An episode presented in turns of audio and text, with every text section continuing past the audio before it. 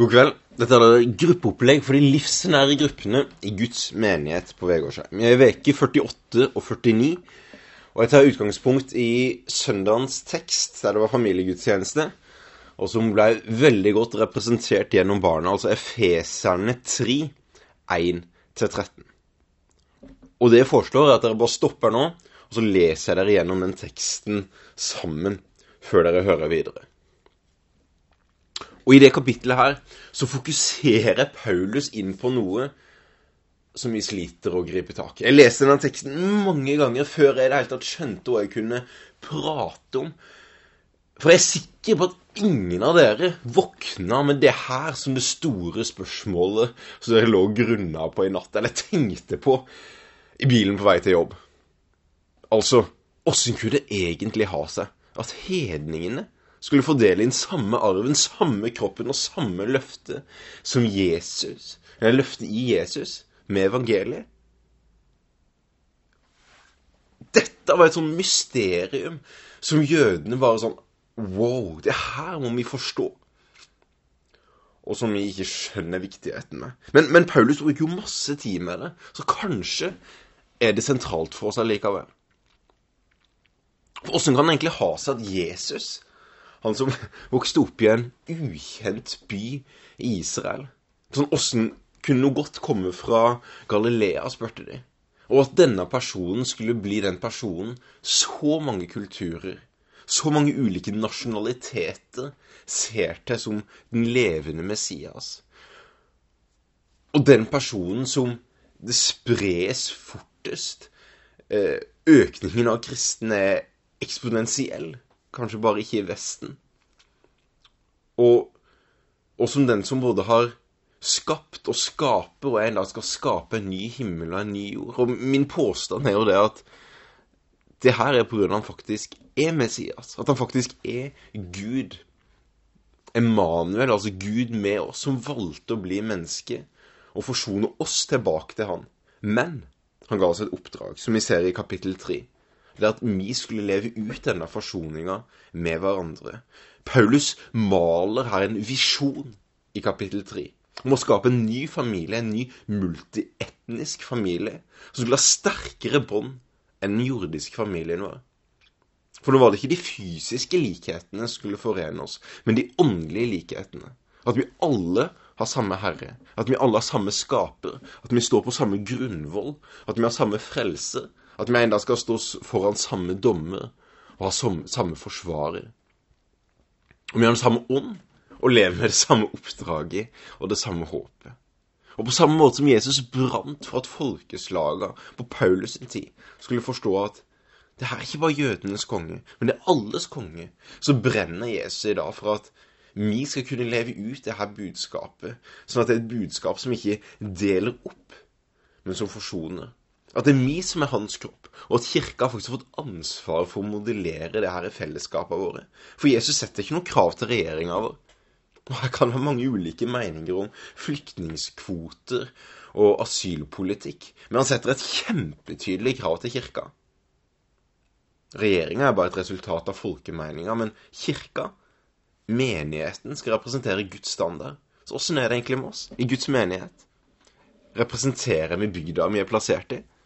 Og om vi ikke gjør det, så er det fare for at vi har med oss for mange personlige referanser. Personlig kultur som gjør til at vi snevrer inn Jesus. Det er vår personlige måte å se han på. Å ekskludere Jesus for andre. For om det skulle vært 20% flerkulturelle i kommunene, så burde det blitt representert i menigheten. Og jeg har lagt med noen bilder, så hvis dere tar og åpner de, om det er på telefonen eller på en PC, så er det noen bilder av, av Maria og Jesus. Malt av en, eh, en kunstner på 1500-tallet, Rafael. Madonna og Jesus, tror jeg det heter. Og da er det første bildet er hans sitt bilde. Og så tenker jeg kanskje ikke så mye over det, men det som, som slår en, er jo nettopp det at Oi, det er jo en vestlig Maria og en eh, vestlig Jesus. Men, men, men, det stemmer jo ikke. Og så er det en, en menighet i Israel uh, The Church of the Association, som har fått kunstnere i nesten samtlige land. Jeg tror det er over, over 170 forskjellige bilder av det bildet her som bare representerer landet sitt. Og jeg har lagt med noen av bildene. Der det første er fra Indonesia, der vi har en helt annerledes Maria. Det er sikkert mange av de symbolene som representerer ulike ting ut fra den kulturen. Og så har vi ut fra Thailands kultur.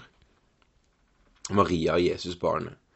Og så har vi noen kunstnere fra Etiopia som har malt sin versjon av det bildet her. Og så har vi en fra Jeg tror det er Vietnam, den siste der. Når jeg ser de bildene her, så bare åpner det opp forståelsen min på at Jesus er ikke bare den Jesus som er på et tidspunkt i livet ble grepet Eller en Jesus som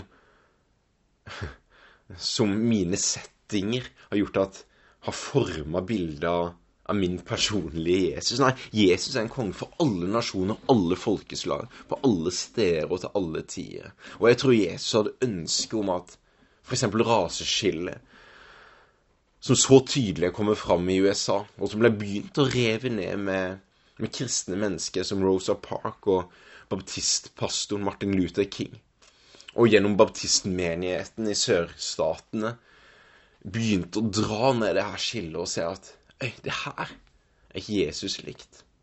Og som burde ha stoppa med det her.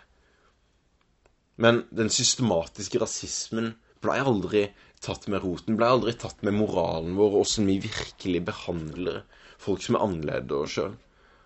Og da har samfunnet en tendens til å heve stemmen og se ringvirkningene av, av umoralen. og og vi, vi, kjenner til bevegelsen Black Lives Matters, med en konsekvens av den umoralen som aldri ble tatt med rota. Og globale bevegelser som har sannhet i bunn, liker alltid djevelen å bruke og snu og tviste litt. Ta en sannhet, tviste den og gjøre til en kamp der det er ett offer og en skyldig som skal tas. Der det de svarte mot de hvite. Det var aldri Guds hensikt. Guds hensikt var å forsone. Og at det er nåden som skal virke. Så når vi går inn mot jula, da, kan kanskje de her bildene av Maria og Jesusbarnet være en påminner om hvem Jesus egentlig kom for. Han kom for alle mennesker. Så hva betyr det for oss? Hvordan skal vi da greie å presentere Jesus? Kanskje er det første punktet vi kan ta med oss, at vi må prøve å presentere han uten så mye kulturell bagasje. Jesus sa til fariseerne i Matteus 15,6 at dere har satt Guds ord ut av kraft på grunn av dere setter deres egen overleveringer høyere enn ordet. Åssen er det med vår tradisjon? Åssen er det med juletradisjonene våre? Og er det her som bare tull, og som, og som snevrer inn Jesus til å bare bli noe som presenterer den vestlige kulturen, istedenfor å være en konge som kommer fra alle nasjoner, alle folkeslag, Og så åssen kan vi presentere Jesus med praksisen vår? Og Her kan vi bare teste oss sjøl litt. Se tilbake på det siste halvåret ditt. Hvem har du invitert med deg hjem? Er det hovedsakelig mennesker som ligner på deg sjøl? Så er det det mest naturlige du kan gjøre. Men Guds nåde istandsetter oss til å bygge bro med de som ikke har så mange broer å sette opp, på grunn av at det er en hjørnestein i vårt liv som forener det som ikke vi greier å forene, men som kan bli en sånn hjørnestein som forener to nye vegger. Fortrener ulike kulturer på grunn av vi har noe annet å ta utgangspunkt i. Jeg tror Josef var litt bekymra for omgangskretsen til Jesus. Men prioriterer du som Jesus? At du først søker Gud, og så bruker du tid på det nære fellesskapet, så er det det som virkelig former deg. Og så kan du være som Jesus. Og at ja, folk rundt deg tenker Hvorfor bruker du tid med de folka her? De er så uforutsigbare, så merkelig, så annerledes. Men husk at Jesus kom ikke for de friske, men for de sjuke. Åssen representerer vi egentlig Jesus med praksisen vår? Hvem bruker vi tida vår på? Hvem tar vi inn i livet vårt? Lykke til.